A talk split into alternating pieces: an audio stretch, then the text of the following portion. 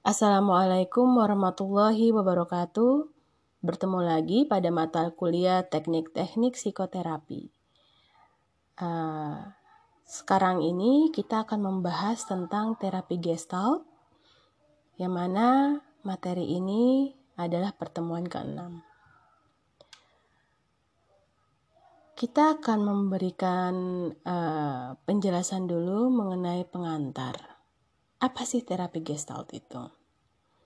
Terapi gestalt dikembangkan oleh Frederick Perls, di mana terapi gestalt berfokus pada apa dan bagaimana tingkah laku dan pengalaman di sini dan sekarang dengan memadukan yaitu mengintegrasikan bagian-bagian kepribadian yang terpecah atau bermasalah atau ada goncangan atau adanya ketidakstabilan dan tak diketahui mengapa itu terjadi.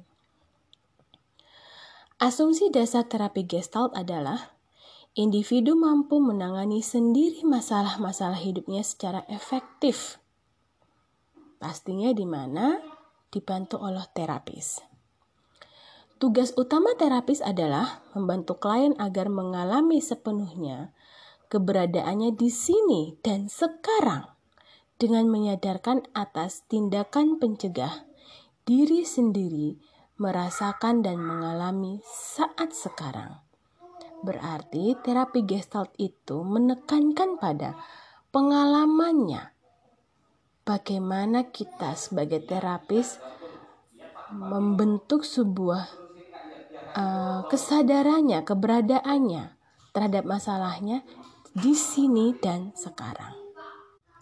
Konsep utama pada pandangan uh, teknik gestalt atau terapi gestalt adalah yang pertama, pandangan gestalt tentang manusia berakar pada filsafat eksistensial dan fenomenologi.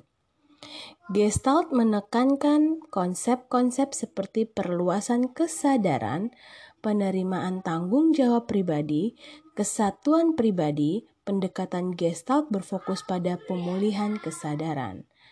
Artinya, menekankan pada menyadari, sadar akan apa yang terjadi pada dirinya. Pandangan Gestalt adalah individu memiliki kesanggupan memikul tanggung jawab pribadi dan hidup sepenuhnya sebagai pribadi yang terpadu. Terapi Gestalt menyajikan intervensi di mana membantu individu memperoleh pengetahuan dan kesadaran sambil melangkah menuju pemanduan dan pertumbuhan yang lebih baik. Yang kedua, konsep utamanya yaitu saat sekarang. Salah satu sumbangan utama dari terapi Gestalt adalah menekankan pada di sini dan sekarang, serta pada belajar menghargai dalam mengalami sepenuhnya saat sekarang. Guna membantu klien untuk membuat konsep dengan saat sekarang, terapis bisa mengajukan pertanyaan-pertanyaan seperti apa, bagaimana, daripada mengajukan pertanyaan mengapa. Dari arti pertanyaan tersebut bisa jelas ya, apa, bagaimana, itu sangat beda sekali jika kita mempertanyakan pada klien mengapa. Pertanyaan mengapa hanya akan mengarah kepada rasionalisasi dan penipuan diri serta menjauhkan diri dari kesegeraan mengalami apa yang dia rasakan. Terapis Gestalt secara aktif menunjukkan bagaimana klien bisa dengan mudah lari dari saat sekarang dan memasuki masa lampau atau masa depan. Jadi terapis membantu si klien untuk bisa melihat ke masa depannya, menuju ke masa depannya. Masa lampau tidak penting apabila dengan cara tertentu berkaitan dengan tema-tema yang signifikan yang terdapat pada fungsi individu saat sekarang. Yang ketiga adalah urusan yang tak terselesaikan. Dalam terapi Gestalt terdapat konsep tentang urusan yang tak terselesaikan, yakni mencakup perasaan-perasaan yang tidak terungkapkan, seperti dendam, marah, kebencian. Perasaan-perasaan itu tetap tinggal pada latar belakang dan dibawa kepada kehidupan sekarang dengan cara-cara yang menghambat hubungan yang efektif dengan dirinya sendiri dan orang lain. Kita bantu bagaimana hambatan itu bisa terselesaikan. Urusan yang tak selesai itu akan bertahan sampai ia menghadapi dan menangani perasaan-perasaan yang tak terungkapkan. Bila mana urusan yang tak selesai membentuk pusat keberadaan seseorang, maka semangat pemikiran orang itu menjadi terhambat. Perasaan-perasaan yang tak diketahui menghasilkan sisa emosi yang tak perlu, yang mengacaukan kesadaran yang terpusat pada saat sekarang. Artinya, kita membantu si klien itu bagaimana menyelesaikan hambatan-hambatannya dengan perasaan-perasaan yang negatif tadi. Dan kita mengacu pada kesadaran terpusat saat ini dan sekarang. Proses terapeutik. Kita melihat tujuan dari terapi gestalt. Yang pertama adalah sasaran terapi menjadikan pasien tidak tergantung pada orang lain. Karena kita membantu pasien menemukan sejak awal bahwa ia bisa melakukan banyak hal. Namun di sini butuh sebuah kesadaran. Tadi ya dikatakan gestalt saat ini dan sekarang serta kesadaran. Tujuan terapi adalah membantu klien agar menentukan pusat dirinya, menemukan, menentukan pusat dirinya. Sasaran utama terapi Gestalt adalah pencapaian kesadaran. Tanpa kesadaran, klien tidak memiliki alat untuk mengubah kepribadiannya, perasaannya, perubahan yang baik secara signifikan. Yang kedua, fungsi dan peran terapi. Terapi gestalt difokuskan pada perasaan-perasaan klien, kesadaran atas saat sekarang, pesan-pesan tubuh dan penghambat-penghambat kesadaran. Tugas terapis membantu klien melaksanakan peralihan dari dukungan eksternal kepada dukungan internal. Pastinya, di mana gestalt itu, terapi gestalt itu kita sebagai Terapis memberikan dukungan eksternal yang mana bisa mendukung untuk internalnya melakukan hal tersebut. Sebab saat mengalami jalan buntu, klien biasanya menge mengelak dari lingkungan dengan memainkan peran-peran palsu. Jadi dia membuat sebuah defense mekanisme ya. Tugas terapis membantu klien menembus jalan buntu tersebut sehingga muncul perubahan penyelesaian pada dirinya. Pada terapi gestalt, klien yang diterapi bisa menghadapi serta menembus ketakutannya. Masa kecemasan neurotik yang dialami klien akan berubah menjadi kegembiraan yang positif. Yang ketiga, hubungan antara terapis dan klien. Paling penting adalah terapis secara aktif berbagi persepsi dan pengalaman-pengalaman saat sekarang ketika ia menghadapi klien di sini dan sekarang. Terapis memberi umpan balik terutama yang berkaitan dengan apa yang dilakukan oleh klien. Terapis bersama klien perlu mengeksplorasi ketakutan-ketakutan, pengharapan-pengharapan, penghambat serta penolakan klien. Terapis diharapkan mem membangkitkan spontanitas diri dan menggunakan hubungan dengan klien sebagai teknik terapeutik.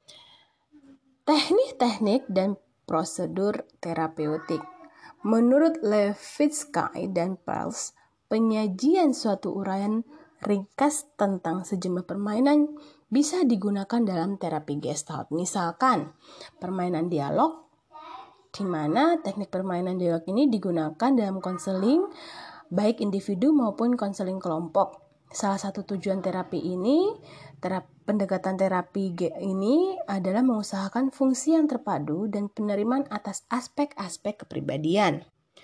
Membuat lingkaran, di mana klien diminta berkeliling ke anggota kelompok dan berbicara atau melakukan sesuatu dengan setiap anggota tersebut. Masuk teknik ini adalah untuk menghadapi, memberanikan dan menyingkirkan menyingkapkan diri, bereksperimen dengan tingkah laku yang baru, serta tumbuh dan berubah. Urusan yang tak terselesaikan. Dalam lat, uh, latihan ini, terapis meminta untuk membuat suatu pernyataan. dan kemudian menambahkan pernyataan tersebut. Misal, saya bertanggung jawab untuk itu.